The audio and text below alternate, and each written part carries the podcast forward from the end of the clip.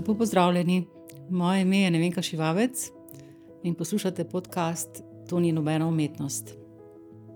V tem podkastu se pogovarjam z, z izjemno zanimivimi ljudmi, ki jih žene potreba po ustvarjalnosti. Z njimi se pogovarjam o njihovem delu, pa tudi o tem, kakšni ljudje so in kaj jih poganja skozi življenje. Ehm, pa tudi o tem, da vzljubiti in razumeti umetnost pravzaprav ni nobena umetnost. Ker vsi obožujemo priporočila, jih na koncu prosim še za njihov seznam knjig, filmov, glasbe in druge umetnosti, ki je ne gre zamuditi.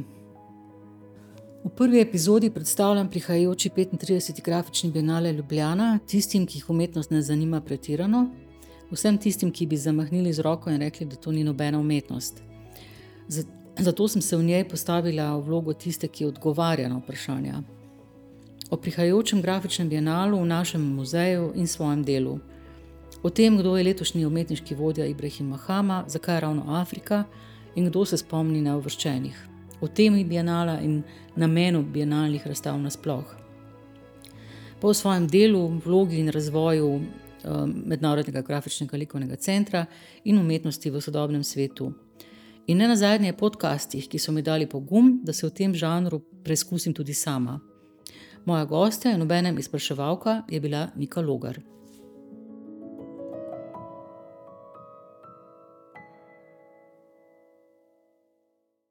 Zdravo, Nika. Zdravo, Nevenka. Kot sem že povedala v uvodu, v, tem, v tej prvi epizodi podcasta To ni nobena umetnost, bomo malo zamenjali vloge. In sicer bom uh, jaz gostja uh, Nike Logar, uh, ki jo bom zdaj prosila, da se malo predstavi na kratko. Ja, hvala. Najprej, ful sem vesela, ful sem se veselila tega. Um, jaz sem, ja, kot že omenjeno, Nika Logar, um, sem partnerka v dobrih zgodbah. Uh, to je v bistvu podjetje oziroma komunikacijska agencija, čeprav mi si rajš rečemo uredništvo um, kjer uh, pripravljamo razne komunikacijske akcije, načrte, tudi recimo polkončne izdelke, filme, tekste, za, predvsem za podjetja, za večja podjetja, za njihove znamke. Uh, sem pa v preteklosti, že od študentskih let naprej, veliko um, delala take dogodke, ki so v bistvu precej podobni Bienalu oziroma MGLC-ju, recimo uh, literarni festival Sanje, pa potem festival Maribor, to je festival klasične glasbe v Mariboru. Um, festival Magdalena, to je bolj za mlade, festival kreativne komunikacije, pa recimo Brumno Bienale. In pri vseh teh dogodkih je bila v bistvu moja vloga um, nekako podobna kot le, se pravi, kako poleg te organizatorske, študentske, udarniške, ne, um, je bila moja naloga vedno fokusirana na to, kako um, skomunicirati dogodek, se pravi, nek PR, odnosi z javnostmi, z novinarji. Uh, kasneje pa tudi družbeni mediji, ja, tako smo stari, da smo začeli delati, še ni bilo um, Facebooka, pa teh stvari. Uh, Uh, skratka, ja, tako da zaradi tega sem bila v bistvu full vesela, um, ker smo se povezali, ker ste nas kontaktirali z MGLC-ja, ker se mi je zdelo tako, wow, še spet ena priložnost za nekaj, kar sem včasih delala, pa mi je bilo super, ne, ti dogodki so meni vedno fajn. Tako. Mogoče zato, ker je en tak vrhunc, pa tako hiter um, se zgodi, pa veliko ljudi. Po drugi strani uh, pa ista skrb kot takrat, ne isti ta impuls še zdaj imamo nekaj, kar je super, ne, za kar je recimo cela ekipa ljudi delala, um, ne vem, včasih pol leta ali pa eno leto, kar je ful dobro premišljen, ful dobro zastavljen, imamo super dela, super umetnike, super goste. Um, potem pa ta zahtevna naloga, kako zdaj to um, skomunicirati tako, da bo sporočilo res doseglo, se pravi, da bojo. Po domače povedano, da bodo ljudje prišli, se pravi, da bo nagovorilo um, to vabilo, ta tema, vse obiskovalce, ki bi, to, ki bi se jih to lahko dotikali. Ne? Zato, ker mm, se mi zdi, da smo vsi tako obremenjeni z uh, informacijami, z različnimi dogodki, z različnimi možnostmi, kam gremo, recimo zvečer po službi, da je um, včasih težko eno še tako dobro temo. Skomunicirati na način, da jo uh, ciljna javnost, da jo ljudje dojamejo kot um, relevantno, zanimivo, kot istopajočo, nekaj posebnega, da si jo zapomnijo to, da jo recimo dodajo na uh, svoje koledarčke. Tako da, ja, še posebej pa sem bila ful vesela, ker smo se zmenili za ta podcast, ker mi je to že tako ful dolg um, želja, da bi probala. In evo, super. Aha, zdaj sem jaz v bistvu. Uh, zdaj pa začneva. Um, ok, ja. V bistvu, no, zdaj moram priznati, da sem se na tole zadevo že kar malo pripravila, ampak uh, preden sem se, oziroma ker sem prvič govorila z um, Vesno, vašo sodelovko, um, in šla pogledat spletno stran, mi je bilo prvo vprašanje, ok, zakaj pa Afrika? Pa ne v nekem, um, ne vem, nacionalističnem smislu, ampak čisto ljubljanski binale, ki se dogaja v Ljubljani, in potem je uh, kurator in uh, ekipa večinoma afriška. Jaz moram reči, da ne spremljam toliko um, sodobne umetnosti, da bi vedela, kakšni so trendi pri teh postavitvah. In res mi je bilo to prvo vprašanje, zakaj, kako, zakaj je, kako je to relevantno. Um, ja, Afrika. Um, se je pojavila zdaj v tem kontekstu uh, iz večjih razlogov. Lahko bi se že prej, pravzaprav uh, v zvezi z um, Ljubljanskim grafičnim bienalom, uh, kajti zgodovina povezav z Af Bienala in Afrike sega zelo daleč nazaj. Ampak um, Afrika je nekako na vrsto prišla z, uh, z, pri 35. bienalu um, ker um, je v, v svetu opažamo nek, v svet, predvsem v svetu sodobne umetnosti, opažamo en zelo močen trend, uh, ki je um, povezan s postkolonializmom in uh, mislim, bolj natančno. Uh, uh, ne vem, če, če, uh, če poznate uh, razstavo dokumenta, ki je vsakih pet let v nemškem mestu Kassel. To je največja razstava sodobne umetnosti na svetu in je hkrati tudi razstava, ki nekako napove uh, neke, uh, rekla, sodob, sodobne trende za, za naslednjih pet let. In leta 2002 se je v Kasu zgodilo to, da je uh, to ogromno, res velikansko razstavo kuriral afriški kurator in to je bilo hkrati tudi prvič, da je bil to neevropski kurator. Se pravi, leta 2002 se je to šele zgodilo in ta razstava je bila prelomna v večjih ozirih, ker je nekako na novo narisala geopolitični zemljevid sveta in vključila dele sveta, ki ponavadi niso bili ali so, ali so bili slabo zastopani, in hkrati um, preko njih uh, tudi opozorila na različne uh, politične in ekonomske probleme, kot so uh, migracije, revščina, lakota, izkoriščanje. Mhm. Nekako v bistvu. Tako da, da za Afriko ne slišimo samo pri poročilih o migracijah, ampak tudi v svetu sodobne umetnosti. Ne? Ja, uh, kot sem že rekla, no, to je sprožilo nek tak val zanimanja. Ta dokument se mi zdi sprožila en val zanimanja, ne samo za Afriko, ampak mislim, sploh za, za te dele sveta, ki jim, ki jim na, na kratko rečemo uh, globalni jug, uh, uh, Global South. In zdaj, če spremljamo svet sodobne umetnosti, težko najdemo bienala, mislim, bienale ali pa večje manifestacije likovne umetnosti za, v zadnjih letih, da jih niso kurirali kuratorji iz, iz globalnega juga. A pa se vam zdi, da je to tudi tako malo um, v smislu. Uh, Mogoče bo malo provokativna, ampak vse podcast, lahko si prvo čuva. A se mi zdi, da je to mogoče malo povezano z uh, neko krivdo, da smo jih prej zanemarjali, ali pa mogoče z, neko, uh, s tem, da je to za nas vse nekaj novega ali pa drugačnega, ali pa mogoče z, po, mm, še ena opcija, ki se jo tako na hitro domislim, uh, z nekim tem uh, iskanjem, mogoče malo bolj primarnih stvari, se pravi, uh, kje smo na zahodu zašli, pa je bilo mogoče drugače. Ja, uh, to, te, te, uh, te zadnje, mislim, zadnje misli že, že ne bi bile pogodu uh, postkolonialnemu načinu razmišljanja, ki se strašansko otepa in, um, in uh, se boji uh, tako imenovane ek, eksotizacije, kar se je včasih uh, počelo z, uh, z temi nezahodnimi kulturami, ki so bile predmet uh, uh, raziskovanja um, na kratko rečeno, drugega. Ne? Se pravi, to pomeni tiste, recimo, kipi ali pa nekaj, kar so, ali pa te piserije, ki so jih prenesli v muzej in so jih razstavili kot. Tlej pa oddelek za eksotične stvari, to je pa iz neke. Ja, eksotično, primitivno, barbarsko, mislim, tako naprej. Um, ampak, um, um, ko, si, ko ste omenili krivdo, ne, um, res je tukaj tudi nekaj krivde, uh, še posebej na strani. Um, kolo, velikih kolonialnih uh, držav, kot so bile Velika Britanija,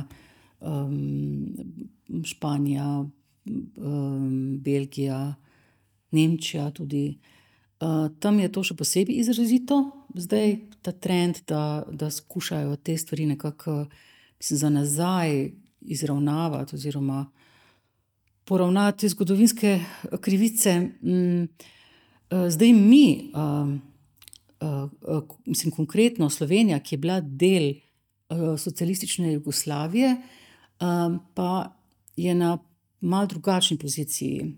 Uh, Kaj ti? Uh, Jugoslavija je bila del nevrščenega gibanja, celo ena od vodilnih držav v nevrščenem gibanju. In uh, um, uh, mislim, neuvrščeni, ideja neuvrščenih je mislim, bila prav to, da je obstaja, da mora obstajati še neka tretja pot. Mhm, ne samo teh, ja, um, teh neuvrščenih. Uh, ja, teh, ki ne, ki ne spadajo ne, ne, ne v zahodni, ne v vzhodni blok. In, uh, in tukaj je tudi bil um, rasizem in, uh, in podobne. Um, in, um, um, kako se temu reče? Orientalizem je najboljši izraz.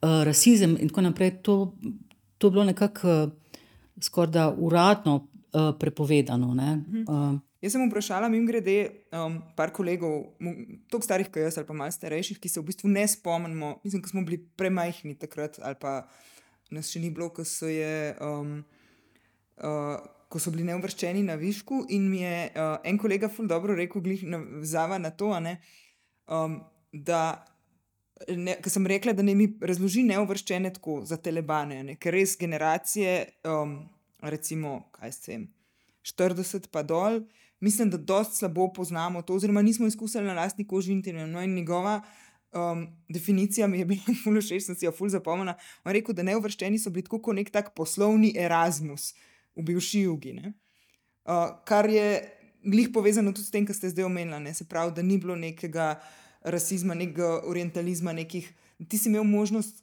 v času, ko ni bilo globalnega znanja oziroma teh globalnih družbenih medijev, ki nam je cel svet enako, recimo, blizu.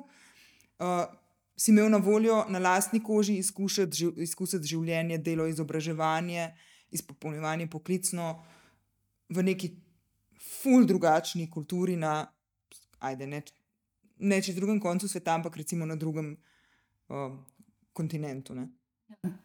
No, to, to se sliši precej ideal, idealizirano, ampak v, v resnici, no, kot sem že prej, mislim, prej omenila, uradno eh, stališče uh, Jugoslavije v, v kontekstu neuvrščenih je bilo enakost, solidarnost, uh, bratstvo z. Um, Predvsem recimo z afriškimi državami, uh, In tukaj je bilo tudi velike uh, kulturne, kul ekonomske izmenjave, da je bilo mhm. več kot, kot Erasmus. To, ja, ja. So bile večje stvari v igri. Ampak uh, po drugi strani uh, pa, uh, je pa uh, pred nas vseeno vladal nek, obstajal nek uh, rasizem. Mhm. In, uh, ampak o tem se, se ni smel govoriti jasno. Uh, Je pa zanimivo, da pa to pronica iz, recimo, iz, liter, iz literature tega časa. In bom dala za, za primer roman, ki ga verjetno malo kdo pozna. Uh, to je roman, ki je šel leta uh, 1971. Um, avtor je Anton Ingolič, znani uh, sloven in zelo brani slovenski pisatelj. Uh, to je roman Onduo, on moj črni fant, ki je začel izhajati prav leta 1971 kot podlistek v novi reviji Jana. In jaz se tega spomnim, jaz sem takrat otrok, uh, ampak se spomnim, da je moja mama in njene prijateljice so si um, izmenjevale ta uh, podlistek med sabo, in veliko je bilo govora o tem romanu, ker je bil. Um, uh, jaz ga nisem smela brati. No. Uh, to je bila taka um, 50 odtenkov. Uh... Shades of Grey za, ja, za Ujano, ja. za tiste no, čase. Se, mislim, bom povedala, bom povedala, ker jaz sem šla pa pol ta roman kasneje brati. In moram reči, da ga, da ga zelo priporočam, čeprav je, je mogoče ni zdaj remek delo, uh, literarno, ampak je pa iz nekega kulturno-zgodovinskega uh, vidika izjemno zanimivo. Gre za zgodbo o študentu uh, agronomije iz Južnega Sudana in uh, slovensko frizerko Vido. Mislim, wow, okay. tega, tega imena. Uh, pač ne bom uh, komentirala. No. Uh, ampak um, ona dva se. Z... Ja, lepa vidi. Ja, ona dva se, mislim, zaljubita in potem um, se postane ta par in ona tudi zanosi, ampak potem se pojavi problem um, tega ne, mislim, nesprejemanja. No, mislim, njenih staršev, okolice. In, uh, ta rasizem postane tako hud, da, da se on odloči, da boste zapustili Slovenijo in boste šli v Sudan. Um, in mislim, zanimivo je, da tudi iz tega uh, romana zvemo kar nekaj stvari o uh, uh, političnih problemih med uh, Severnim in Južnim Sudanom, ki še vedno obstajajo. In uh, no, potem se izkaže, da tudi uh, pri njemu doma ona dva nista sprejeta. In to je zgodba se konča tragično, ampak je pa zanimivo, da je pa en tak eh, erotičen eh, roman v resnici. Ne? Ampak eh, erotika v tem romanu je opisana zelo poetično in zelo nežno. In priporočam.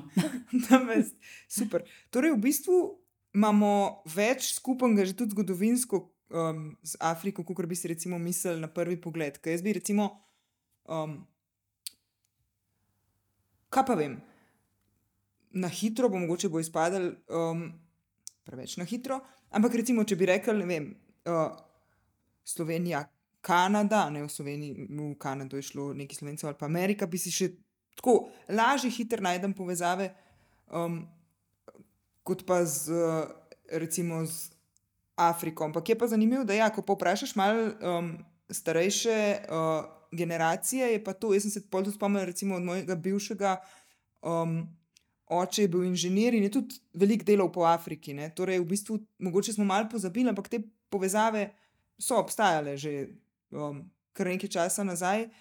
In na njih se je, če prav razumem, navezal tudi um, Ibrahim Mahama, se pravi letošnji. Um, uh, kustos letošnjega Bienala, letošnji umetniški, umetniški vodja. vodja. Ja, ja. Hvala. Um, to me prosim popravite, če se bom ja, ja. zdaj zmotil, ker nisem tako domača v tem. Se pravi, umetniški vodja letošnjega Bienala, um, ki je sicer mlajša generacija, ne leta uh, 87, če se ne motim, letnik 87, če se ne motim.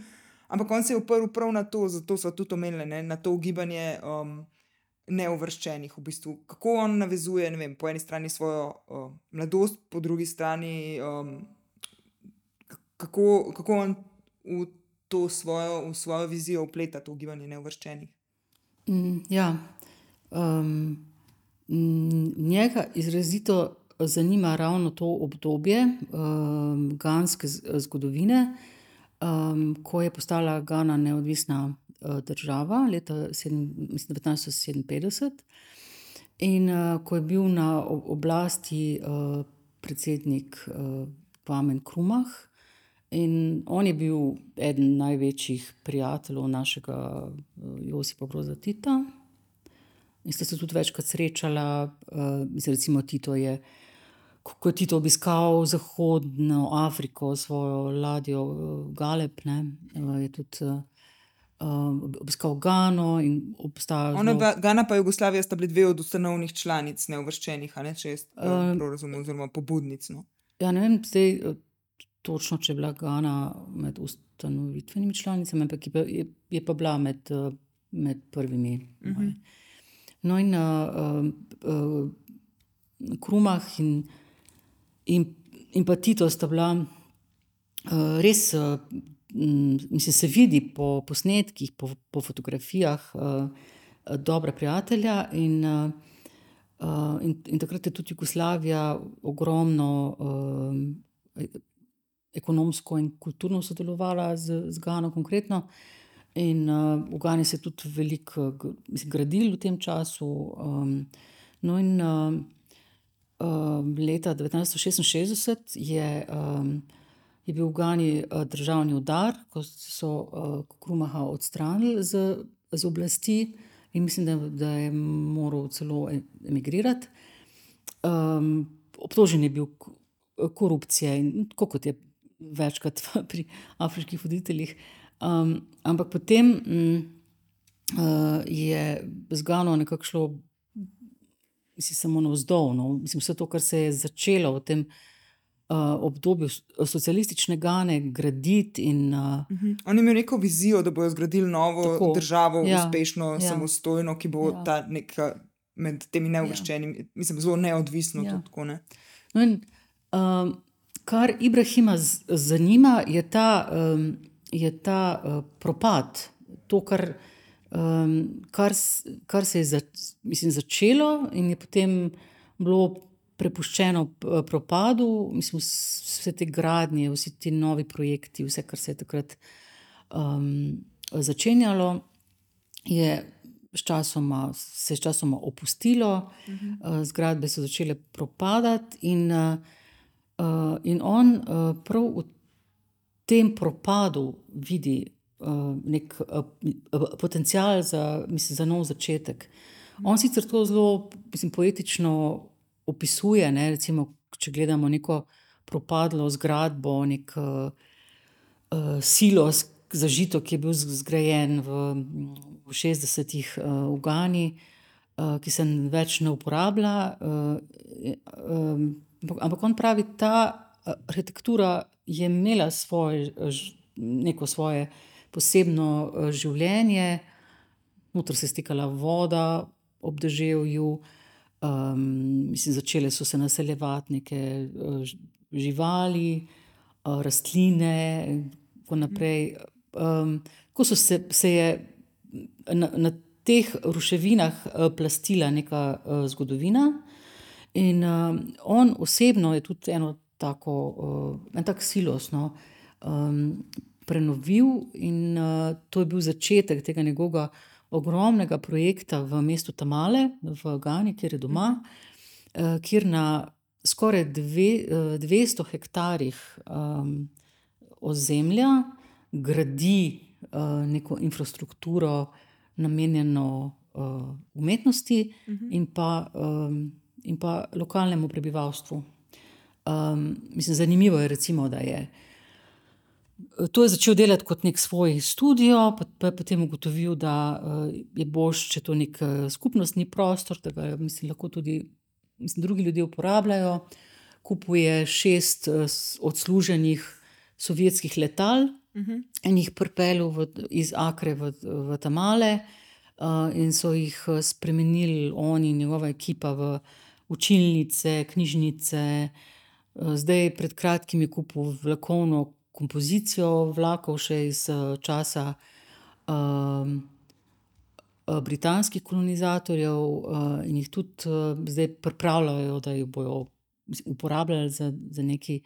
Um, no, to, je, to je neka osnovna ideja um, iz njegovega delovanja. Iz... V bistvu se gre tako ful družbeno, družbeno odgovorno umetnost, da se angažira. Njegovo pojmovanje umetnosti sega res onkraj vse, vsega, kar si um, mislim, uh, mogoče um, lajki predstavljajo potem, kaj, kaj umetnost je. Mm.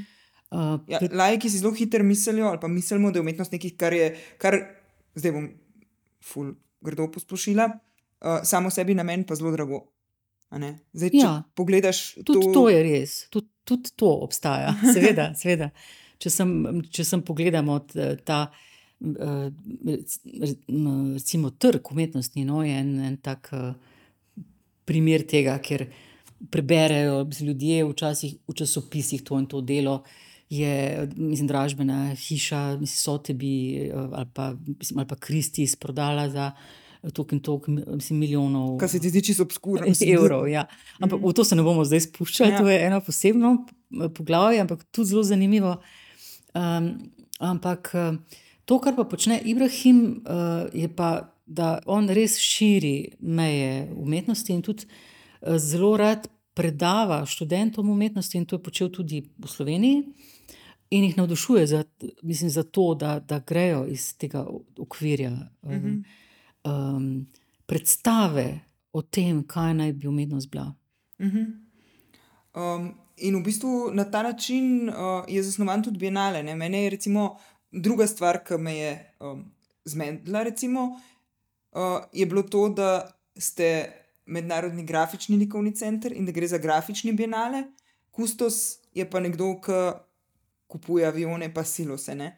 Um, in pol ne veš, kaj si misliti. Ali je to uh, zdaj, ali je pri sodobni umetnosti preprosto ne mogoče to ločiti, ali je to stvar izbire, ali je to ena um, veja, kako je zdaj s tem v bistvu.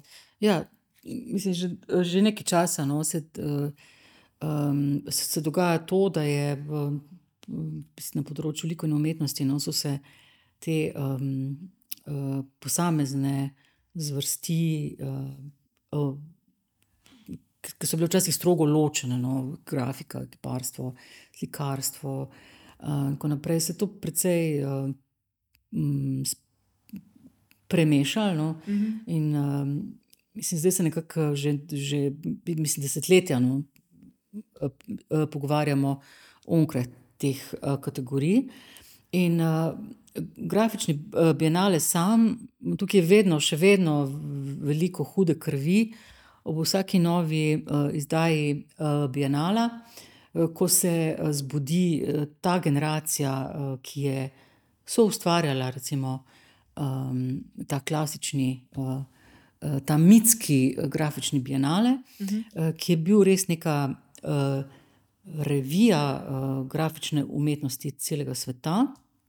Uh, ampak uh, po letu 2000, uh, in to je že dosti zgodaj sprevidel tudi uh, mislim, legendarni uh, direktor uh, Bienala, uh, Zoran Kržišnik, tudi on je vedel, da, da, se, mora, da, da se mora Bienale transformirati uh, v, v sozvočju z sodobnimi časi. Uh -huh.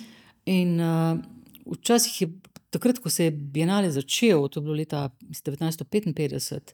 Um, istega leta, kot je že prej omenjena dokumenta. Uh -huh. uh, takrat Aha, smo bili zelo uh, ja, na tem absolutno, področju. Zelo, Ja. okay. Um,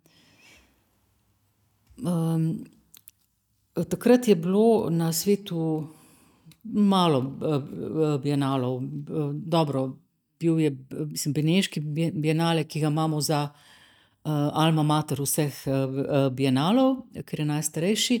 Ampak poleg, poleg dokumenta je bil še Sao Paulo, pa mislim. Po, ampak potem po, uh, se pa ta trend bienalov vedno bolj širil in najbolj opazno uh, v 90-ih, v 80-ih, uh, 90-ih. Uh -huh. um, in kako že, ko, ko pravzaprav vsako mesto, vsaka država hotela imeti svoj bienale. Sam njihova vloga je bila drugačna. Ne? Če ja. Ja. prav razumem, na začetku je bilo bolj to podoben. Zdaj upam, da ne bom tle koga užalila. Brunovemu bienalu, ne Brunov bienale je vidnih sporočil, je sicer ok, namenjen oblikovanju, ampak tisti je nekako pregledna razstava del, ki so nastala v zadnjih dveh letih. Ne? In če sem prav razumela iz uh, predstavitve um, bienala na vaši arhivski strani, je tudi uh, ta grafični bienale na začetku imel bolj tako obliko, se pravi najprej neka pregledna razstava za zadnji dve leti, pol neki best of, pol neke. Um, A bi mogoče malo o tem povedali? Ravno grafični bienale je bil od vsega začetka mednaroden. Uh -huh, okay. uh, mislim, na začetku smo rekli mednarodna grafična razstava. In uh, to, to je bila ta ambicija. Uh -huh. Se pravi, pripeljati na kržišnika in, osta, in še ostali, zdaj se bomo spuščali v to, kdo je bil uh, oče uh, ideje za uh, ta bienale. Ampak uh, uh, takrat je bila tudi klima v Jugoslaviji uh, zelo naklonjena tem stvarem, kajti Jugoslavija je hotela dati svetu signal, da, uh, da je po ločitvi od uh, Sovjetske zveze.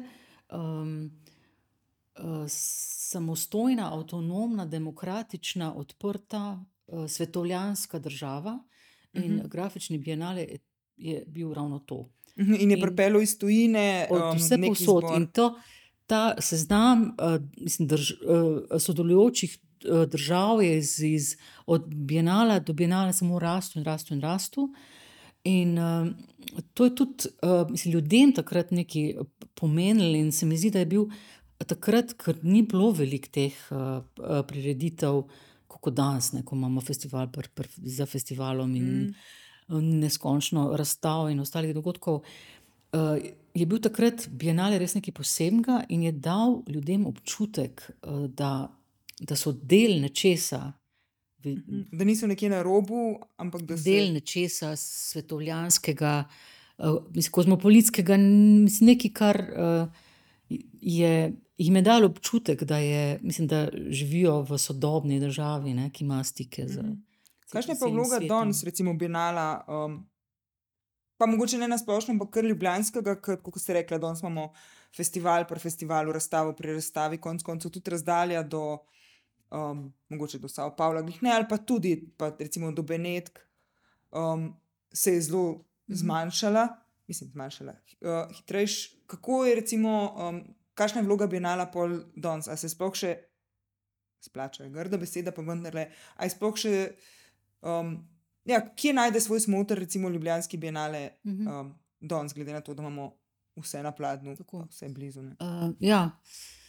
Zdaj, um, mogoče na splošno nekaj o, o bienalih. No, uh, njihova značilnost je ta, uh, da, uh, da so neka začasna struktura. Ne? Uh mhm. -huh. da, se, da se bienale v mestu začasno naseli v, v neki obliki in zasede neke prostore. Uh, um, uh, ki uh, lahko da tudi niso namenjeni kulturi in umetnosti, in uh, mobilizira neko, um, uh, neke skupine mislim, ljudi v mestu oziroma državi, uh, pri, pripelje uh, uh, ljudi iz vseh koncev sveta in S tem se ustvari ne, v, v, v mestu oziroma državi neka mislim, posebna situacija, neka izmenjava, ki traja pač par mesecev, dokler traja bienale.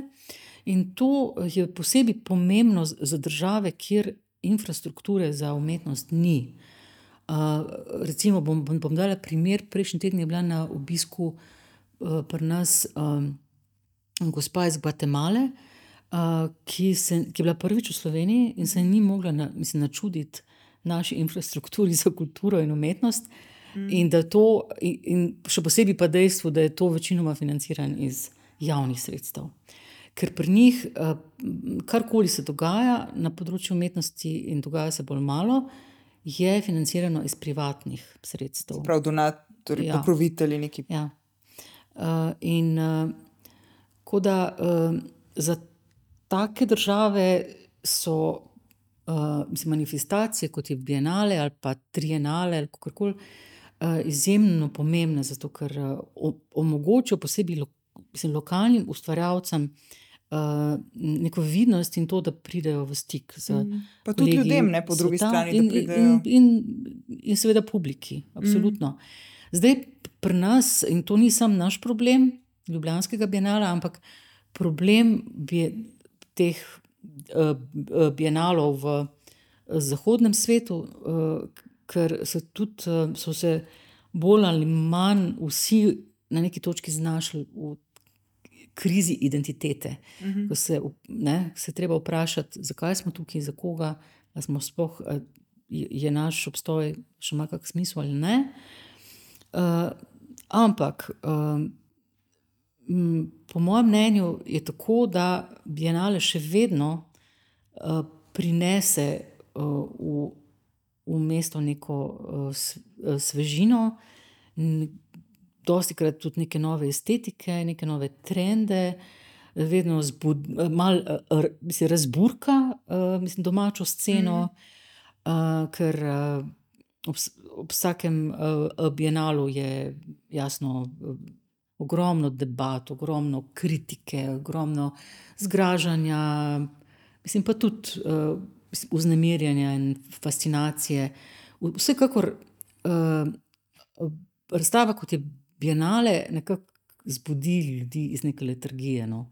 Meni se je zdelo ful zanimivo to, ko ste rekla, nikoli nisem tako pomislila, ampak ko neko potovanje, ke pride k tebi, a ne, to, ke ste prej rekla, pride neka tema, neka nova tema pa neki novi ljudje, neka nova umetnost v neko mesto, na neke prostore, ki jih ne pričakujemo, ne. Se pravi, to je tako, ke mi po eni strani, a ne, ful radi pa karte so poceni pa to, ful radi imamo te iščemo neke nove izkušnje, ne.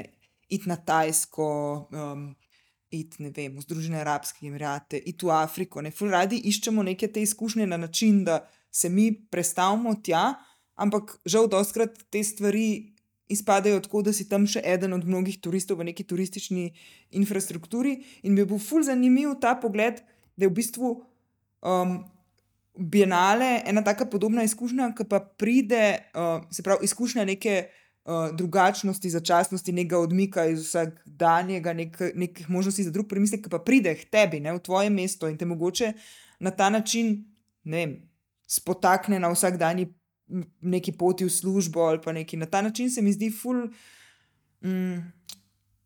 zanimivo ali pa tako vznemirljivo razmišljati o recimo o bienalu ali pa o umetnosti, ne, zato ke se mi zdi, da včasih dostikrat imamo ta občutek, da je umetnost nekaj, ke je zaprto za nekimi, ke je ful ločeno od življenja, ne, se pravi, zaprto za nekimi debelimi stenami v nekih modernih, prenovljenih, dragih prostorih, ne.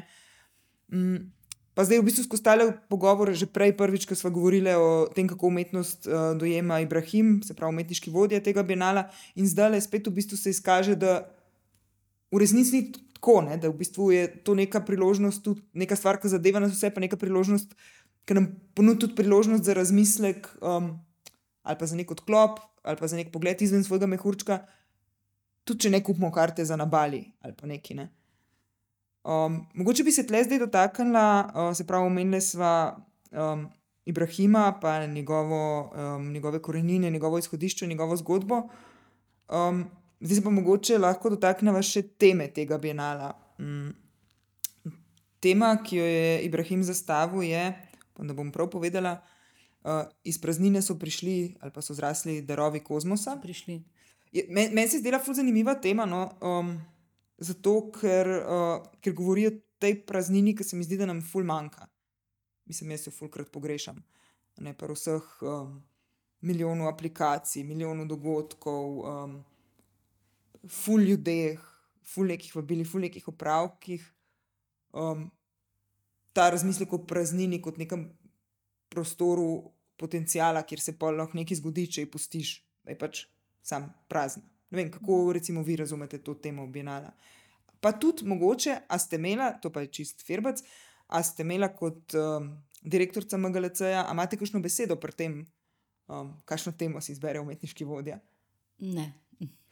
Pa vam je katera bolj ali pa manj pri srcu ali, je to tako strokovna zadeva pa nimate nekega osebnega mnenja?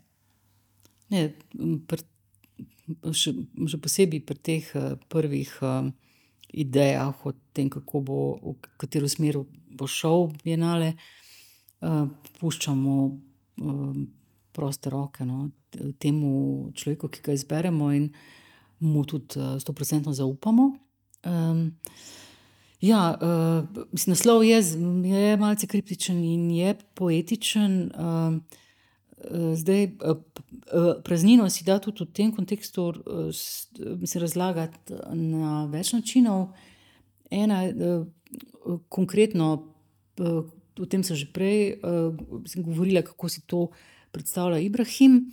obstaja pa tudi neko uh, teoretsko zaledje, uh, tudi v, v, v Gani, v, na univerzi v Kumasaju. Um, obstaja neka, bi rekla, skoraj filozofska šola, teoretska šola, no, um, uh, ki jo sestavljajo tudi nekateri um, člani kuratorskega kolektiva, ki ga je izbral Ibrahim. In uh, tam sem uh, našla um, um, en esej o praznini, uh, kjer je pa praznina uh, razložena kot točka nič, se pravi točka um, začetka. Kjer je še vse možno? Kjer je še vse možno in kjer je še vse odprto. In to na nek način uh, razlaga tudi uh, odnos, ki ga imajo, to opažam, ne, recimo uh, umetniki uh, mislim, globalnega juga do. Rečemo temu umetnostne zgodovine, zahodnjaške umetnostne zgodovine. Oni, mislim, pravzaprav se ne želijo zares ukvarjati s tem. To, to ni njihova zgodovina. Mhm. Ali pa opredeljevati. In imajo vso pravico. Uh -huh. um, in um, tako da um, oni nekako začenjajo od uh, začetka, in tudi, recimo, ko se pogovarjamo z Ibrahimom o teh njegovih idejah. Pa kdaj to, mislim, kdo navrže, ja, pa vse to, že, to je že v 60-ih delov ta umetnik, ali pa to je v 70-ih ta in ta uh, konceptualni umetnik prišel na dan z istimi. Njega to ne zanima. On izhaja iz čist drugačne uh, pozicije, uh mhm. -huh. iz praznine. Ne? To je tudi ena, ena od, od možnosti. Lahko pa mislim, praznino stojimo tudi čisto metafizično, no? kot nek, uh, pro, nek prostor onkraj ne? um, našega uh, dojemanja. Uh mhm. -huh. In od tudi od tam lahko pridejo ne, darovi kozmosa, ne, če gremo spet nazaj na, na ta naslov. In uh, še nekaj zanimivo je, da uh, mi morda malo težje dojamemo ta naslov in uh, to, kar se v njemu skriva, ampak uh, ljudje iz Gane uh, verjamem, še vedno verjamejo, da vsi sobivamo, vse živo in neživo, in mrtvi in živi, vse se dogaja paralelno in skupaj. In, in pol je. Pa to ni neko verovanje, to je njihov uh, način razmišljanja. Njihov način uh, razmišljanja, to ni nekaj, kar spada v neko ne vem, afriško, se pravi, že verje, kot so ja, temu ja. včasih ja. rekli. Um, ne, to je nekaj, kar je še zelo živo. Uh mhm. -huh mislim, v njihovi vsakdanjosti. Mhm. Ful zanimivo. Ker tudi večino, m, mm, večino kuratorjev, ali pa da tako. Uh, jaz sem rabila recimo eno um, vašo, um, en vaš uh, kratek poduk o tem, kako sploh izgleda ekipa, se pravi, kako nastane um, bienale. To je vsakič drugače, praktično. Ampak mislim, mogoče to uh, lahko omenim, da um, ta način um, um, mislim, organizacije uh, Bienala uh, se je začel nekako kon, uh, po letu 2000. No. Uh -huh. um, takrat je tudi uh, v Ljubljani. No. Uh, takrat se je tudi zamenjalo vodstvo uh, Bienala in je uh, postala uh, direktorica Bienala. Uh, uh, Lilijana Stepančič, uh, ki je takrat naredila en res radikalen res. Ne? Ona je pa prekinila s temi nacionalnimi predstavitvami, uh, ko smo hodili iz dvorane v dvorano, v, v moderni galeriji in gledali. Uh, Aha, pravi, predstavitve pred, držav. Ne. Predtem je bil Bienale podoben po konceptu, recimo zdaj Beneškem. Tako je. Ja. Ja, Beneški je še vedno ohranil ta uh mhm. -huh. nacionalni princip, uh, ampak je, uh, večina uh, Bienala je to opustila. Um, omenjam Liljano Stepančič zato, ker se mi zdi, da se ji veliko krat dela krivica, uh, ker je um, Mazoran kržišnik nek mitski status. Um, ona pa, čeprav je bila tukaj deset let in je uh, naredila res ogromen premik, um, z grafičnim bienalom se pa redko omenja, uh, kar je škoda. Um, no, ona je upravljala to veliko, veliko in težko nalogo. Um, in od, uh, od mislim, v začetku novega uh, tisočletja postane uh, bienale kuriran. Temu se reče, da uh, se povabi uh, kuratorja, kustosa, mislim, ta terminologija je tudi, uh, ko se. Um, um, ni še čist uh, v kamen uklesana. No, Pomeni in, pa zaenkrat približno isto. Ja. Uh -huh. uh, in uh, potem ta oseba, ki, ki jo zberejo, um, si zamisli neko izhaja iz neke ideje, nekega koncepta, in potem si povabi umetnike, eh, z njimi sodeluje. Eh, veliko del eh, nastane posebej za konkreten bienale. In to je tudi neko, nek kriterij, po, po katerem se mi zdi, da se zadnja, zadnjih dve desetletji meri moč nekega bienala, koliko ima nove, nove produkcije. Mhm, se pravi, koliko del je novo nastalih del.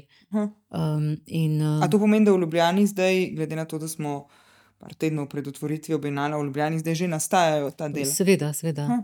Dela že nastajajo in tudi uh, zanimivo, da bo let, na letošnjem Bienalu uh, tudi uh, precej grafike.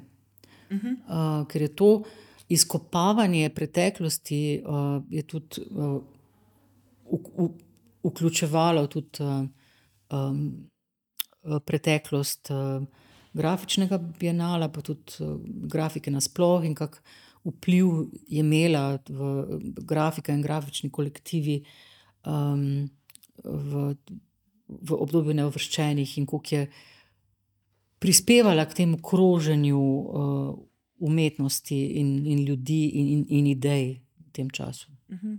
Je zanimivo kjer bojo pa recimo um, neki, se pravi, uh, tle v MGLC je sam um, centrala, če prav razumem. Kot ste prej rekli, da se binale v bistvu razlije po celem mestu. Um, kje bo, recimo, prnas, kje, ali pa kje se vam zdi najbolj taka um, vznemirljiva ali pa zanimiva lokacija, zdaj verjetno mm. bo tu pa v Švicariji. Ja, uh, ja se lahko kar ker vse naštejem, ni, jih ni toliko, smo, smo imeli že več lokacij, no, ampak zdaj, um, letos na srečo, um, je Bienale gostuje v Cukrarni tudi. Uh, tako da so glavne lokacije Mednarodni grafični center, se pravi, grad Tivoli, ne Cekinov grad, prosim. Tam se tega, nahajamo, mislim, muzej novejše zgodovine. Tega se lahko uh, še pol kasneje dotaknemo, ja. ker jaz mislim, da ga skoraj ni Ljubljana, sram nas bodi, ki, ki ne bi mešal teh dveh ja. muzejev. Potem uh, Švicarija, ki tudi spada k nam, uh, pa Cukrarna, sem že rekla, Železniški muzej, uh, Krater. Uh, pa, um, Krater je uno gradbišče, ne tam v ja, Dunajski. Jama. Aha.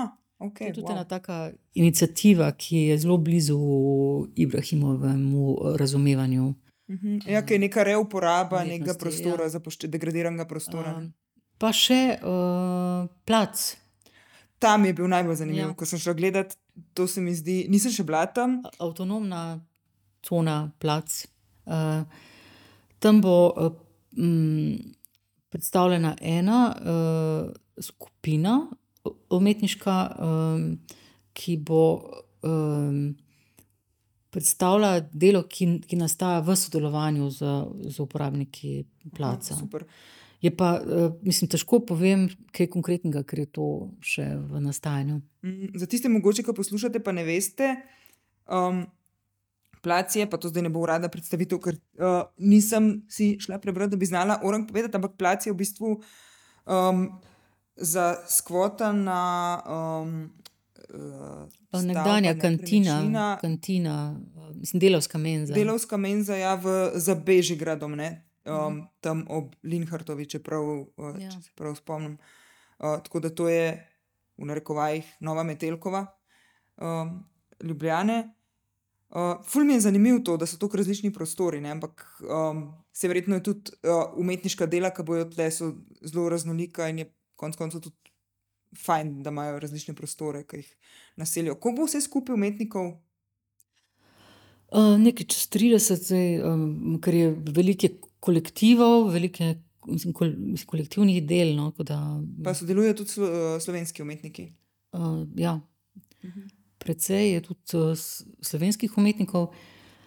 In tukaj mogoče um, omenim še to, no, da, je, mislim, da Ibrahim in kuratorji so nekako uh, izbirali slovenske umetnike nekako po neki ho horizontalni uh, mislim, liniji, niso prišli k nam pa vprašali, kateri so pa najboljši slovenski umetniki, da jih vključimo. Ne, Aha. oni so. Um, šli po čez nekaj drugih kanalih, tako da na Bienalu enakopravno in enakovredno drugim umetnikom sodelujo tudi študenti. To, sem, to je bilo moje naslednje vprašanje, v bistvu, ker sem prebrala, da, ste, um, da so prav šli na, in to na več fakultet, zanimivo, ne samo na um, neko. Na Alu ali pa nekaj, ampak da so se, um, da so se kuratori povezali uh, s študenti. Um, A že kaj veste, kaj bo ratali z tega? Zanimivo mi je to z tega stališča, da recimo študenti zdaj ne poznajo neuvrščenih. Afrika jim je verjetno bliže, kot, je bila, kot je bila recimo nam. Uh, umetnost, če niso iz umetniškega faksa, ne vem, kaj pomeni tako. Zanimivo mi je, da so se povezali s uh, študenti. Kaj veste, kaj je? Ja, z njimi se, po, se predvsem povezal Ibrahim, ki je. Um, na svojih številnih obiskih, moram reči, Ljubljane in Slovenije, um, predaval študentom um, o, o svojem delu, predvsem in o svojem pojmovanju umetnosti. In je vedno potem uh, tudi študente povabil, da uh, pošljajo svoje predloge, ideje za okay. sodelovanje na Bienalu. In uh, potem smo, seveda, kar nekaj predlogov uh, prejeli, in uh, potem so uh, on in kuratorji uh, nekaj teh uh, predlogov izbrali in predstavljeni na, na Bienalu. Okay. Ful, zanimivo. Pa, a veste, mogoče kje je fakulteta, še poleg Aluoja? Um, ja, šel je še na uh, pedagoško um, akademijo v Maribor, šel v Novo Gorico, Okay. Uh, um, uh, mislim, da se je srečal tudi za študente arhitekture. Ful zanimiv pristop v bistvu.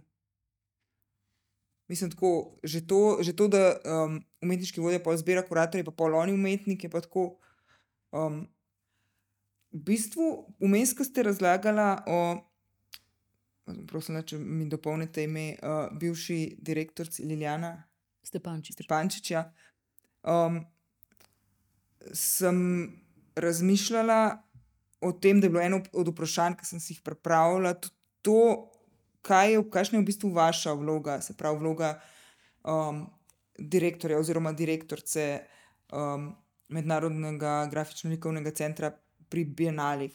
Um, zdaj, glede na ta prejšnji odgovor, v bistvu kar velika, se pravi, ne, mogoče ne pri vsem. A prav razumem, da je tako, ne pri vsakokratnem binalu, ampak pri nekem um, šofiranju tega, kam bo cela zadeva šla, ali pa usmerjanju v skladu z nekimi ali trendi, ali pa tudi nekimi predvidevanji. Kakšna je, recimo, vaša vloga pri mhm. um, pr tem, kakšen, je, uh, kakšen bo 35. binale? Ja. Um, moja vloga je predvsem uh, vizija, uh, kam, kam z binalom gremo in zakaj za nekam gremo. Ker vedno, uh, jaz sem že večkrat odgovarjala na te očitke, zakaj uh, smo opustili ta grafični uh, bienale, na, se, na katerem se je predstavljala grafika iz celega sveta. Uh, in mislim, moj odgovor je ta: uh, grafični bienale je ustvaril in, inštitucijo, uh, ki se ukvarja z grafiko, to je mislim, MGLC, uh, ki ki poseduje tudi. Um, grafični binale je bil pred MGLC. Seveda. Aha. Grafični binale se je začel v moderni galeriji uh -huh. leta 1955. Okay. In se potem, osa, uh, potem se je pa ustanovila nova inštitucija, um, Mednarodni grafični likovni center, ki se je leta 1986 preselil v grad Tivoli in uh, je uh, še vedno ostal glavni producent in organizator grafičnega bienala. Uh -huh. uh, Moderna galerija je ostala uh, razstavišče uh, za bienale kar zdaj nažalost eh, ne funkcionira, ampak upam, da se bomo eh, za ob 70. obletnici ponovno vrnili v moderno galerijo. In uh, da, ja, moj odgovor je ta. Obstaja inštitucija, specializiran muzej za grafiko, ki se ukvarja z dediščino Bienala, ki uh, spodbuja mlade umetnike, da tiskajo grafike nas, da se ukvarjajo z grafiko, ker, nas, uh, ker mi smo uh, ne samo muzej, specializiran muzej, ampak tudi uh, produkcijski center, uh, kjer, uh, kjer smo obdržali grafične delavnice. Mhm, to mi je bilo, bilo zanimivo, ko smo se ja. začeli pogovarjati o, o tem sodelovanju. Jaz tega recimo nisem vedela. Nisem mm. vedela, da imate tudi delavnice, kjer lahko ali si prideš na tisan, če že mm. znaš, ali se pa naučiš, če prav razumem. Ne? Tudi, tudi mm. ja. Um, Tako da mi imamo uh, tudi ogromno zbirko grafično in uh, um, v svojem rednem programu predstavljamo vem, uh, pregledne razstave, retrospektive uh, slovenskih grafičark in grafikov. Um, uh, pri, uh, seznanjamo javnost z najnovejšo produkcijo grafike v Sloveniji in širše. In, se ogromno ukvarjamo z grafiko v svojem, bom rekla, mhm. vsakdanjem življenju um, naše, našega muzeja. Um, Medtem ko Bienale uh, je šel pa svojo pot in je to je bilo nujno, uh, ker drugače bi, bi se zacikljali nekje. Drugače bi bila samo še ena razstava, poleg ostalih razstav. Ne? Sem še ena razstava. Hmm. Na katero umetniki pošljajo svo, te, dve do tri svoje grafike, in pol, mislim, dobijo v, v zahvalo en, en izvod uh, uh, kataloga, v katerem je natisnjeno njihovo ime in kratka biografija. Mm. Uh, se pravi, zdaj pa če razumem, je Bienale neki bolj ena, um, neko svojo zgodbo ufura, zato je ful pomemben. Ne? Ja, zdaj temo. bi rekla, da je Bienale bolj kot razstava podoben festivalu, mm -hmm. festivalu sodobne umetnosti. Uh, kako se pa pol, recimo, razlikuje od, um, da je zdaj za lajčno, uh, mislim, lajčno. Tudi jaz sem lajčna javnost, tako da me res v resnici zanima, v, v čem se pa razlikuje. Pa, bi se sploh mogel v tem smislu razlikovati od recimo biota, od um, bienala industrijskega oblikovanja oziroma bienala oblikovanja, ki pa ga dela um, muzej za arhitekturo in mhm. oblikovanje. Mm -hmm. Ali je to še ena od tistih priložnosti, o katerih ste prej govorili, da pri sodobni umetnosti se te stvari združujejo, pa so si mhm. vedno bolj uh, podobne? Ja. No, se za, za bienalom industrijskega oblikovanja, za biom, da se je zgodil nekaj podobnega kot z grafičnim uh, bienalom, prav tako se je moral v času primerno transformirati. In ja, včasih pridemo kar blizu skupaj, no? um, po vsebinah in, in, in po temah, ampak uh, še vedno no, mi ostajamo bolj v, v kontekstu um, um, likovne umetnosti no? in pa, pa tudi grafike, kot se bo letos pokazalo. Ja, če se strinjate, bi šla zdaj na ta, um, na ta drugi del, o katerem smo se pogovarjali, da se ga bomo dotaknili, uh, ker smo se ga v bistvu že zdaj malo um, posredno. Mm, in sicer malo iz uh, Bienala, pa MGLC-ja, malo bolj na vas, oziroma na um, vašo vlogo. Uh, jaz sem naredila eno tako pr, um, kratko pripravo in sem ugotovila, da ste v bistvu že kar nekaj časa direktorica tle um, MGLC-ja. Um, kako, uh, kako je v bistvu biti uh, direktor, kakšna je vaša vloga, zdaj smo govorili predvsem o Bienalu, ampak dotaknili smo se pa tudi MGLC, se pravi kot neke inštitucije, ki razvija, ki skrbi za um, področje grafike pri nas. Uh, kaj je v bistvu um, vaše delo, kako vidite svojo nalogo tudi v kontekstu tega, mogoče kako vidite vlogo um, umetnosti v sodobnem svetu. Se pravi, kakšna je vloga mogoče um, v SUMGLC, v MGLC, kot tacga, pa pol nasploh Mhm. umetnosti. Ja, uh, meni se zdi zelo pomembno to, da uh, je v tem času, ko uh, v mojem času um, na tem uh, delovnem mestu, uh, da, je, mm, da se je uh, muzej, ki je bil prej dosti uh, specializiran, uh, um, mm, mogoče zelo malo. Um, od, odmaknjen. No, um, mislim, muzej odprl um, in se vedno bolj odpira no, tudi uh, splošni publiki. Na tem um, veliko delamo, ne, še vedno. Ena taka ful um, spektakularna, se mi zdi, primer tega je bil ta umetnik z temi, kaj so že te mečkeni, kockicami iz Invader. Invader, ja, s temi mm. -hmm. pekmeni, ki jih še Mhm. vedno lahko. Um, to je bila tudi vaša razstava. Ne? Po Ljubljani ja. se mi zdi, da jih dosta opazimo, ne vejo pa. Mhm. Manj ljudi pa mogoče ve, da ste imeli zdaj prav razstavo. Temu posvečeno. Uh, ja, uh, to, uh, razstava Invaderja je predvsem uh, zasluga uh, mislim, našega kustosa, Božidara Zrinskega, um, ker to ni bilo njegovo p- prvo gostovanje v Ljubljani. Um, in je zdaj um, ta razstava, ki je bila mm, leta 21, je bila. Je je razstavljal grafike, ki jih, eh, in en del tega je bilo narejeno tudi v, v naših Uh -huh. eh, grafičnih delavnicah. Ja, hotel sem pa to reči, ja, da, Ja, malo sem, mal, mal sem z Invaderjem. Več- Veliko delamo, veliko delamo na tem, da, da, da postanemo bolj dostopni. No. Um, mislim, ne, ja, tudi fizično bolj, mislim, bolj, bolj dostopni, zato se hiša prenavlja, zato imamo zdaj mislim, dvigalo v gradu Tivoli in v Švicariji. Mm. In tako naprej, ampak tudi uh, mislim, dostopni v, v smislu uh, komunikacije. Ker to Mm. ni sam naš problem. Jaz opažam, da večina uh, naših uh, galerij ali pa muzejev uh, uh, mislim, komunicira v enem takem um, uh, precej hermetičnem jeziku, uh, ki, ki, mu- ki mu včasih težko uh, slediti, če prideš iz popolnoma drugega. Uh, Mm. um, Ja, to se meni vedno. Ja, to se, to, meni se to vedno zdi, mislim, vedno se mi, doskrat se mi zgodi to na razstavah mm, ali pa v muzejih s temi listi, uvodniki. ne. mhm.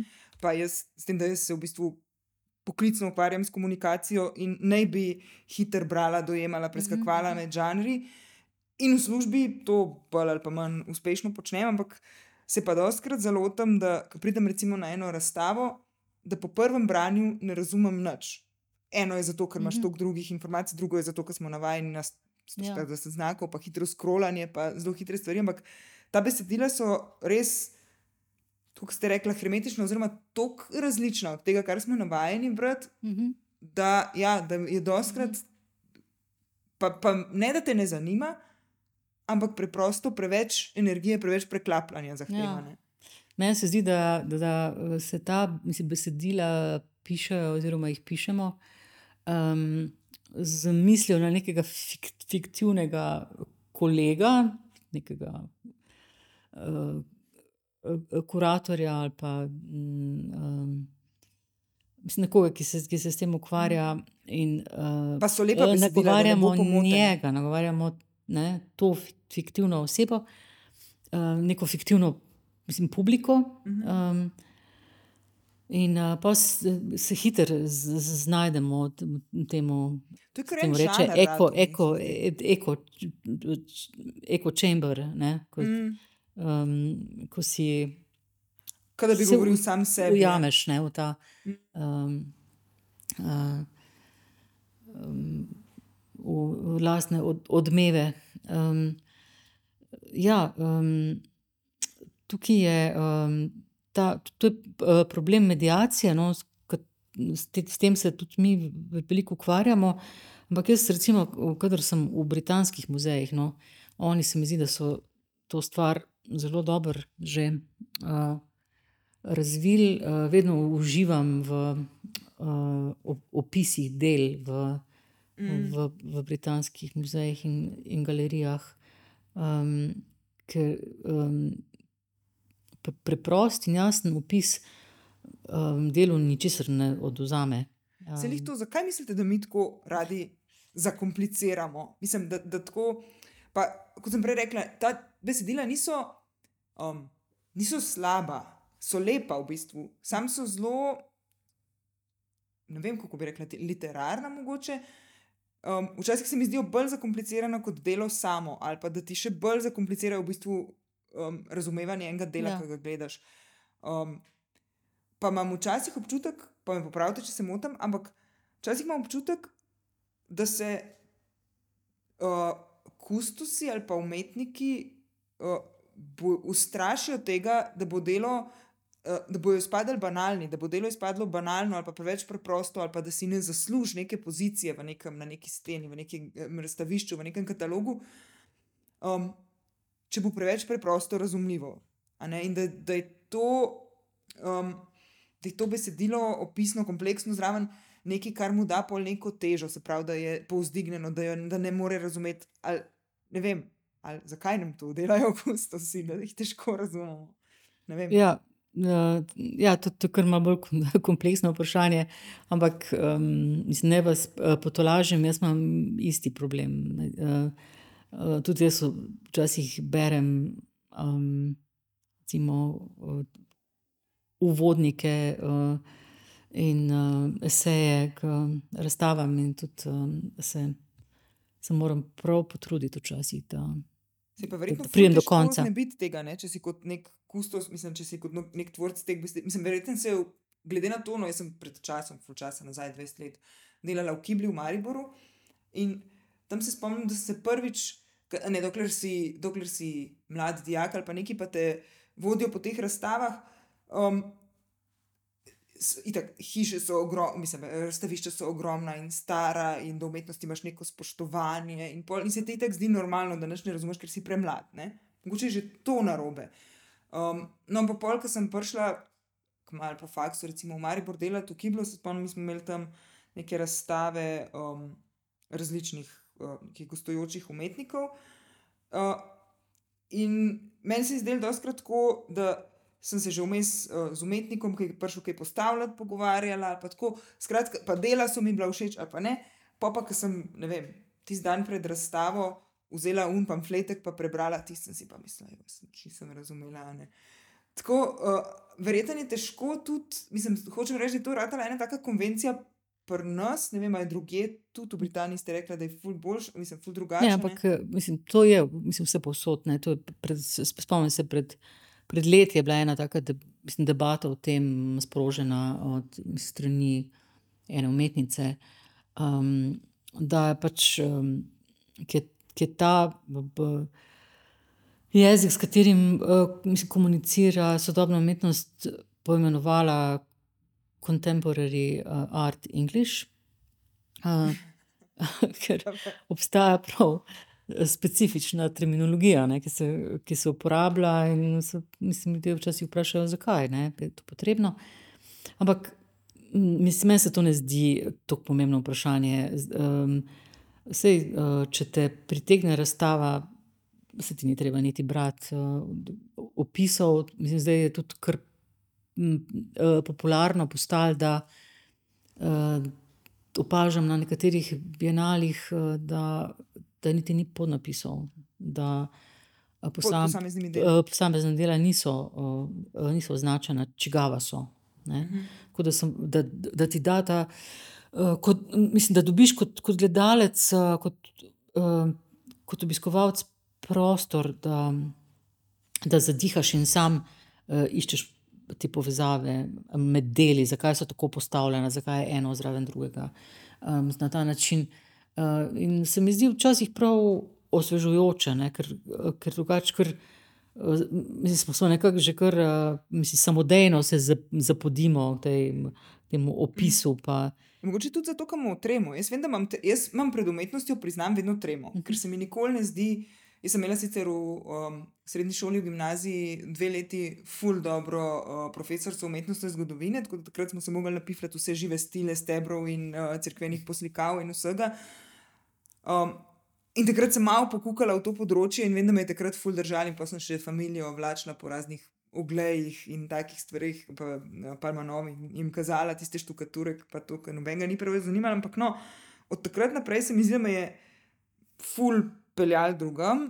In zdaj res moram priznati, da imam vsakič tremo id gledati um, neko umetnost, predvsem sodobno, um, zato ker se mi zdi, da um, premalo vem in da jo ne bom razumela. In pol se mogoče kot um, človek, ki mislim, meni je branje pa pisanje nek default način um, izražanja. Uh, se mi zdi, da se zatečem k tem. Recimo, zdaj sem ratala prav malo anksiozna, ker ste rekli, da ni več podnapisov, ker sem si mislila, o moj bog, ok, kul, cool, ampak ful dobro, ful zanimivo. Pa kako pa pol veš? Kako pol veš, kaj je hotel umetnik um, povedati? A se lahko tu sprostiš ali spadeš, ne vem, a se počutiš. Jaz vem, da bi se počutila no, um,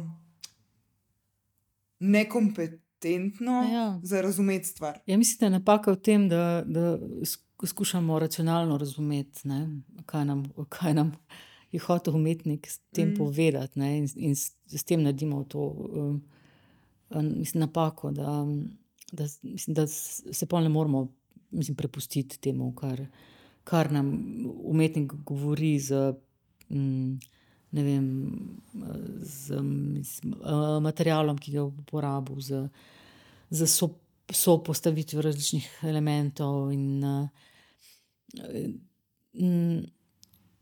Meni se zdi, da če se človek malo um, prepusti, no, da je hit. Na, to je mogoče ful pomembna beseda. Ja, se težko prepusti.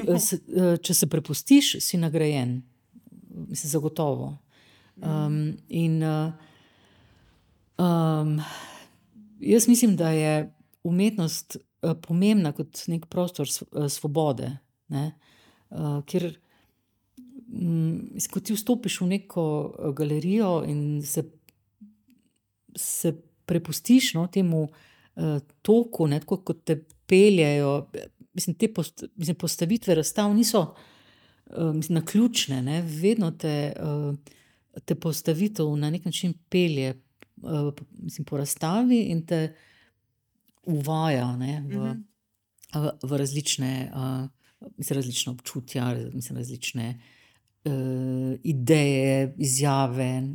Uh, in uh, zato se mi zdi, recimo, uh, kadar se znajdem v kakem mestu, kjer še nisem bila. Se mi včasih dozdeva, da je tako vse isto, ne? zdaj s to globalizacijo. Ne? Gremo pa po glavni ulici, mimo vseh zar in mangov, in uh, um, in Armanijev, in uh, ne vem, če se še vse, uh, in uh, Starbucksov, in uh, Kost, in kaj potem. Uh, in uh, se mi zdi, če, če hočeš videti nekaj, kar še nisi videl, ne? Kar, kar ne moš videti nikjer drugje, ne? je kar dobra ideja, da greš v, v galerijo ali pa, ali pa muzej. Ne? Ker tudi, id, eh, ker tudi muzeji in galerije so kot institucije ne, zelo napredovali v, v zadnjih 20 letih. Uh mhm. -huh. In se vsi zelo, zelo veliko delajo na tem, da bi se človek počutil prijetno, da bi, da bi razumel, da bi se znašel. Uh, zelo veliko se na tem dela. No. Vem, da marsikdo, tudi od mojih znancev, recimo, ki se ne ukvarjajo z umetnostjo, pa niso del tega, bili nikoli, um, imajo tudi. Uh, uh, zadrego no, pred, uh, pred galerijami in, in, in muzeji. Ja, ker imamo feeling, da je nek tak zaprt prostor, ne? ampak ta, to, kar ste zdaj izpostavili, je ful dobro, da v bistvu so mesta, ok, letališča so si, itak ne moreš ja. vedeti, kje si. Mesta je res v bistvu, da če gremo zdaj le po Dunaju, po Marija Hilferstrasse ali pa po Londonu, po Oxford Streetu. Mm. Sta ja. si bolj podobna, kot bi si mogoče želeli, ali pa pri nas počasi. To je postalo strašno dolgočasno. Ja, In um, ja. je ta ideja o, o muzeju kot enem, a ne, ne kot tista obvezna stvar, ki jo greš, če greš šolo na ekskurzijo, ampak o, nis, o, o nekem ali pa galeriji, kot nekem prostoru, kjer lahko res doživiš neki originalnosti tistega mesta je, mi je ful, um, ful zanimiva. Pa ok, če smo že pri tem, kje je pa recimo vaša najljubša ali ne vem, razstava Bienale ali pa mogoče tudi um, neka galerija ali pa muzej, ki si jo greste recimo pogledati. Mhm. Um, ja, Razen MGLC. um, ja, um, ja, jaz sem uh, verjetno to profesionalna deformacija že, ampak jaz sem zelo rada bienala, Mhm. uh, ker um, si vedno znova mislim, presenečen. No? Mislim, vedno znova gre za, za nek uh, popolnoma dru- nov format in izbor umetnikov in, in umetniških del za nove lokacije. Mhm. Um, Jaz se recimo konc koncev v Beneški bienale, ki je tudi eden največjih, pa imamo srečo, da je blizu. Ne, je, Ja, imamo res veliko srečo, da imamo mislim, Benetke tako blizu, pa ne samo zaradi uh, Bienala, k, ampak uh, ker je to mesto, mesto hrepenenja za marsikoga na, Ja. ja. na svetu, pa, eh, ki, ki, ki ne bom mislim, mogel nikoli videti Mm. mm. uh, z Benetk. Recimo. Um, ja, Beneški bienale je pa tudi vedno nek po- poseben praznik. No, um, Se mi zdi, da recimo v, moj, v, naših, v mojih krogih, pa, nis, pa ni, recimo, niso tako strogo umetniki, ampak recimo vem, arhitekti, dizajnerji, novinari, Mhm. uh, mogoče, ja, ljudje, ki se tako recimo posredno malo dotikajo kulture ali pa umetnosti. Um, se mi zdi, da se je kar razvi- razvil en tak. Um, Eno tako romanje, ne. kadar je bienale, vsi vemo, kdaj se bo odprl, in pol je kar mal tak, um, kako bi jim rekla, kulturni turizem. ne. mhm. uh, moraš, moraš iti tja. Mo, to je pa nekaj, kar se res um, splača iti pogledati. Verjetno tudi zato, ker ste omenili, da je, zmer, da je pri binalnih vedno tako, da je neka tema, vedno nekaj novega, vedno nekaj svežega, pa konec koncev tudi čist vizualno. Mm, Meni so vedno fulj zanimive te site-specific uh, instalacije, se pravi nekaj, kar je polo tiste ogromne paviljone ali pa nekaj postavljeno. Ne. Uh, kaj pa kakšna razstava ali pa galerija ali pa tako, kot bi jo ali priporočila, ali pa um, mogoče niti ne nujno, ampak se vam zdi neki um, ful poseben ali pa ful posrečen. Um, ja, zdaj tega je, uh, mislim, zelo veliko galerij. Uh, To je nehvaležno vprašanje. Ob- obiskujem, ampak uh, sem se pa nekaj spomnila, da jaz večkrat rečem, da jaz uh, percipiram Slovenijo, skušam percipirati Slovenijo kot eno veliko mesto. Um, Z ogromno parki vmes, bom rekla. Um, in um, se mi zdi, da uh, mislim, uh, si Ljubljančani včasih, ker sama nisem iz Ljubljane, uh, se mi zdi, da so Ljubljančani včasih um, preveč uh, uh, omejeni na, mislim, na Ljubljano. In mislim, da imamo, da imamo tako vse tlejane. Ja, ampak uh, je v Sloveniji ogromno zelo zanimivih um, muzejev in galerij. Uh -huh. In jaz redno uh, hodim gledati razstave tudi uh, po ostalih slovenskih mestih. Um, mislim pa ne samo razstave sodobne umetnosti, ampak tudi uh, muzeje. Um, in, uh, Aj, kakšen tak, zdaj bom težila s tem praktičnim primerom, kakšen tak, ki bi ga ful priporočala. Ali pa, ali bodi si zaradi postavitve, recimo mene je, prej sem se spomnila, ko ste rekli, da se, da se zelo trudijo, da je obiskovalcem prijetno. Mene je ful presenetil Lutkovni muzej na Ljubljanskem gradu, recimo, mm -hmm. ki je tako, um, ima to neko dimenzijo odkrivanja, interaktivnosti. Recimo, mm -hmm. jaz, jaz sem se tam počutila kot mali otroka, ne, lahko mm. -hmm. stikaš, pa odkrivaš, pa vne lutkice premikaš. Um, A je še kakšna taka stvar, recimo, ki se vam zdi v, v Sloveniji ali pa v Ljubljani? No? Tako, mhm. um, konkurenčnost, čeprav niso konkurenčni Mhm. v resnici, ampak tako nekaj, kar se vam zdi recimo, zanimivo. Um, ja, zdaj, ko ste omenila uh, Ljudke, uh, v celju je zelo zanimiv otroški muzej, uh, ki je del um, muzeja novejše zgodovine v celju in je um, se odprl, pa mislim, da je to že 20 let nazaj, mm -hmm. ki je, ki je bil še moj sin otrok, ne, uh, pa je zdaj star 30. Uh, tako da, uh, ja, več kot 20 let nazaj. Um, otroški mu muzej, ki se mu reče Hermanov brlog. Um, in, Super, prvič slišim. no, Pa je sam čez recimo, strojane. ne? ja. um, potem, ja, rada grem na razstave v Maribor, v umetnostno galerijo Maribor, uh, pa v, tudi na obalo. Uh, uh, forma Viva je ena taka um, um, manifestacija um, v. Um, Spravo razstava, kiparska razstava na prostem, uh -huh. ki je recimo, zelo mislim, zanimiva, forma viva se je dogajala, mislim, da se spet nadaljuje no, v, um, na obali, uh um, š, v kamnu.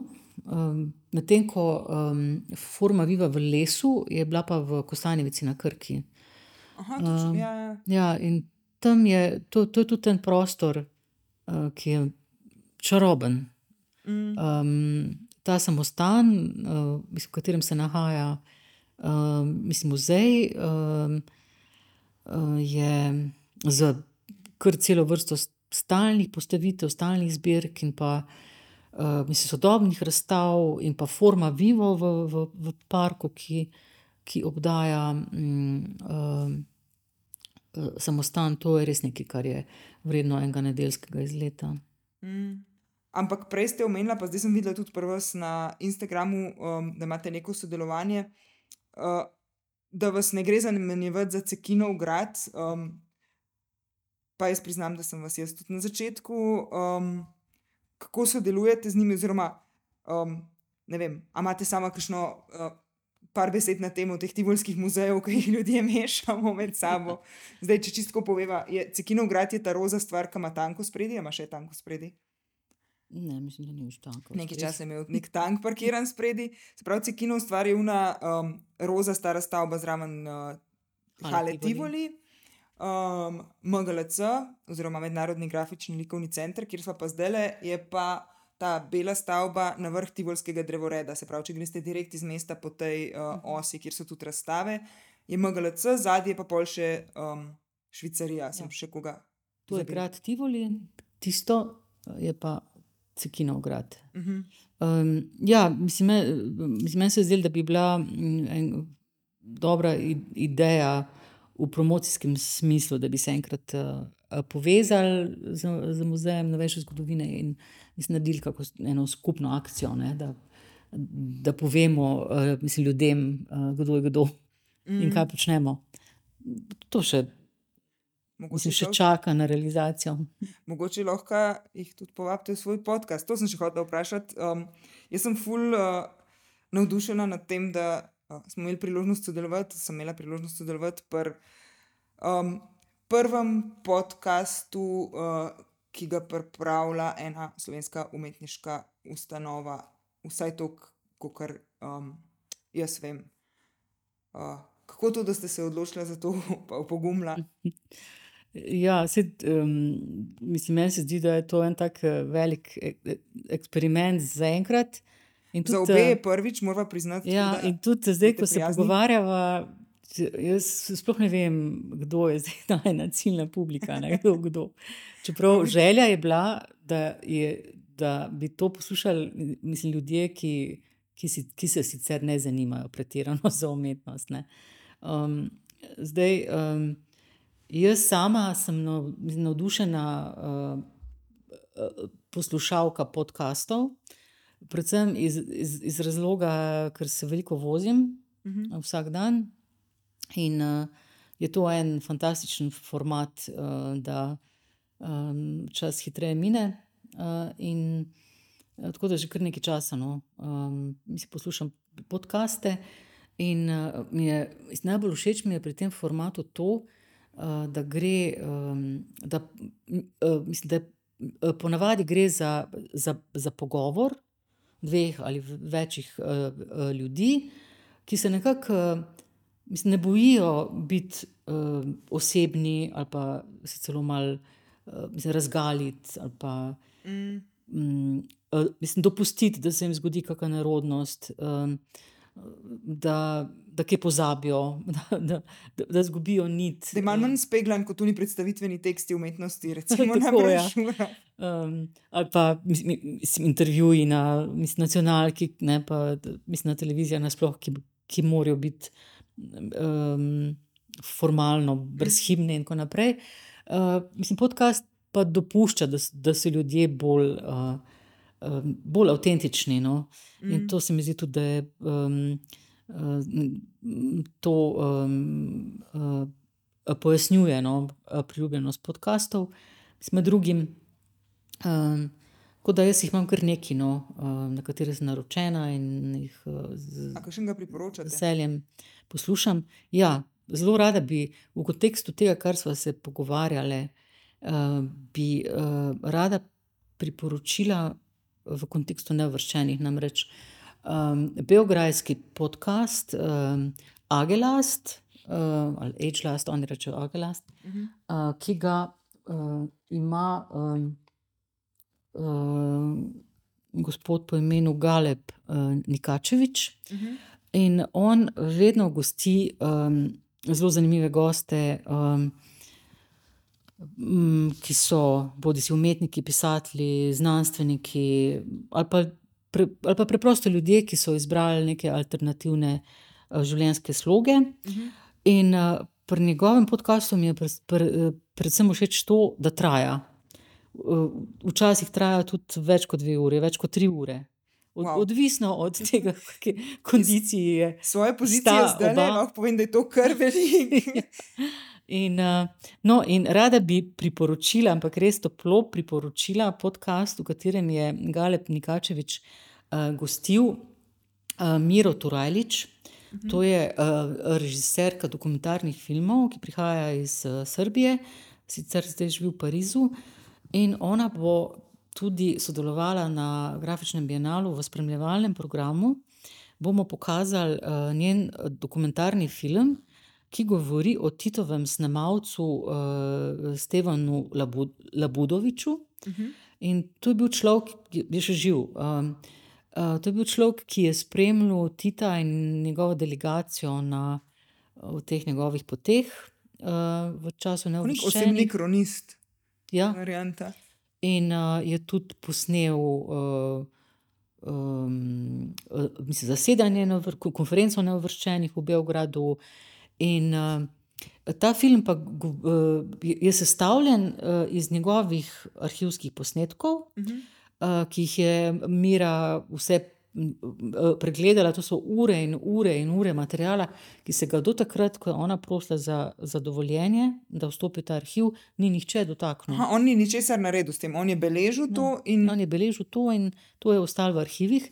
Wow. In na osnovi tega, da je imela Jugoslavija uh, tako dobro uh, pokrito to svojo, uh, mislim, da so dobro vedeli, kako ustvarjati svojo um, uh, uh, podobo Mhm. v svetu. To je bila vrhunska produkcija, vedno. Eh, Na osnovi tega so Stevana Labudoviča povabili Alžirci, Mhm. uh, da pride v Alžir in dokumentira njihovo osvobodilno vojno. Tako da je preživel na, na bojiščih Alžirije cela tri leta in uh, je ta mislim, dokumentarcija, uh, kombinacija no, teh posnetkov iz uh, Alžirije in uh, mislim, njegovih uh, posnetkov. Um, jaz še nisem videla filma, jaz sem samo uh, poslušala ta uh, razgovor, ki ga res toplo priporočam. Mislim pa, še- glede na to, kaj smo slišali, oziroma se to, ne vem. Moja generacija mogoče več ne ve, koliko je to res, koliko je pa legenda, ampak glede na to, kaj lahko preberemo, ali pa smo slišali posredno o Titu in o teh njegovih delegacijah in zabavah in to. Um, pa glede na to, da je ta človek vse to videl, pa snemo, mora biti wow. Ja. In uh, mislim, še to mogoče v zvezi z Miro Turajlič, da ona je pred tem filmom, ki ga bomo zdaj videli um, v spremljevalnem programu, posnela uh, tudi uh, zelo znan film uh, Cinema komunistov, ki Mhm. tudi govori o, o Titu in njegovi strasti do, do filma. Vse vemo, da je on vsak večer si pogledal en film ne, in imel svojega os- osebnega operaterja, ki, Res? ki mu je film predvajal. Wow. Ja, vse, vse to in še več izvemo iz uh, filma, v filmu Cinema kom- komunistov. Uh, potem je pa še film, uh, um, mislim, da je uh, na, um, naslov Druga stran vsega, um, The Other Side of Everything. Um, je pa ta film še vedno na HBO-ju in se, se ga da tam uh, uh, pogledati. In tudi uh, zelo, zelo pri, priporočam. V tem filmu pa uh, je uh, uh, Emila posnela svojo mamo. Uh, V, v njihovem stanovanju, v meščanskem, beograjskem stanovanju, ki je bilo uh, razdeljeno na dva dela, ker so v en del stanovanja, kmalo po vojni, naselili mislim, neke druge ljudi. Uh -huh. In uh, mislim, ta film govori o skozi uh, to, uh, mislim, ta vrata, za katerimi uh, je. Leta in leta živel, mislim, še nekdo. Dve popolnoma različni življenji. Zvemo potem tudi zgodbo, mislim, širšo zgodbo ne, od uh, mm. uh, mislim, družine in uh, mislim, Jugoslavije v tem času, tega post. Uh, mislim, povojnega obdobja. In... V bistvu zdaj le, ok, ta zadnji je malo kasneje, ampak um, uh, v bistvu sta omenila dva filma, ki sta zelo um, dobra, kot uh, mogoče za mlajšo generacijo, kot priprava na bienale, da lažje razumemo. Um, Ker mogoče, um, se pravi, ne vem, mogoče je težko razumeti um, to obdobje uh, neovrščenih, ali pa ga ljudje niti ne poznajo, mlajši niti ne poznajo tega. Um, izraza, ampak tako, um, z neki konteksta pa v bistvu ugotoviš, da je to ful zanimivo, uh, ful zanimivo obdobje v naši zgodovini, ki nas še zdaj v resnici dost um, definira. Um, ja, sem uh, hotel omeniti še. Um, um, Aha, še kakšen podcast. Še en podcast. Na best, ja. super. Um, in sicer. Um, uh, zelo zanimiv mi je podcast um, angliške pisateljice Elizabeth Day uh, z naslovom How to Fail. Ona vabi um, uh, sebi podcast uh, ljudi, ki jim, enkrat, ki jim je enkrat v življenju šlo vse narobe, ki so jim mm -hmm. propadli projekti, ki so. Se pač no, zgodili nekaj, zaradi česar so se znašli na dnu. In, uh, mislim, govorijo o tem, kako je past in, in se ponovno uh, pobrati. Mm. Moram reči, zelo inspirativen uh, podcast. Obstajajo neki dogodki, podobni na to temo, pa je v Ljubljani, um, sicer na temo poslovnega neuspeha in potem spet paca, pa ne vem, zdaj le ne vem, mhm. kako se reče, ampak um, vem, da me je ful pretegnilo nekaj na vseh teh oglaševalskih festivalih, pa to gledaš ti te stvari, projekte, ljudi, mm. ki jim je uspel. Ja. Um, In je fulno svežujoče videti, da je komu ne, kar je, za kar je ful ja. večja šansa v življenju, če tako gledaš. Absolutno, ja. Cez, mislim, zato se mi zdi tako. Um, to je nekaj zelo inspirativen uh, podcast. Uh, Pole pa k, v kontekstu umetnosti uh, bi pa mogoče omenila podcast um, z naslovom uh, Dead of an Artist. Um, tega je pa naredila um, ameriška kuratorka. Um, uh, Helen Molsworth uh, in govori o, je v šestih delih, omenjam pa ga zato, ker je eh, produkcijsko in je nadstandardno narejen, je vrhunsko uh, sproduciran, uh, kot mislim, neka nadaljevanka, kot mm -hmm. skoraj da mešanca med.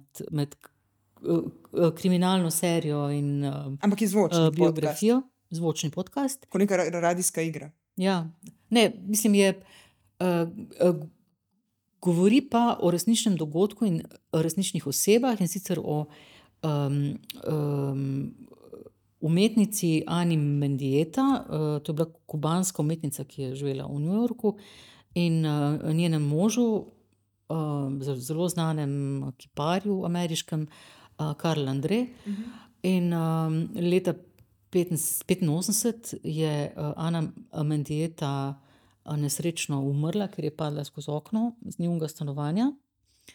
Um, in um, um, so bila ugibanja o tem, ali, je, ali ji je mož pri tem malce pomagal.